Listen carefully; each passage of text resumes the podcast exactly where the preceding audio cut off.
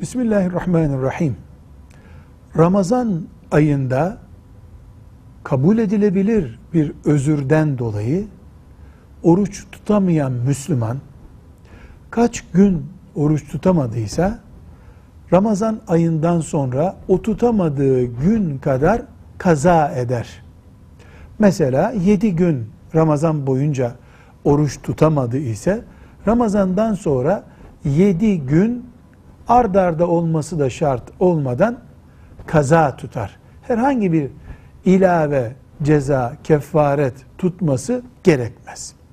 30 günü tutamadı ise makul ve şer'i bir özürle 30 gün kaza eder.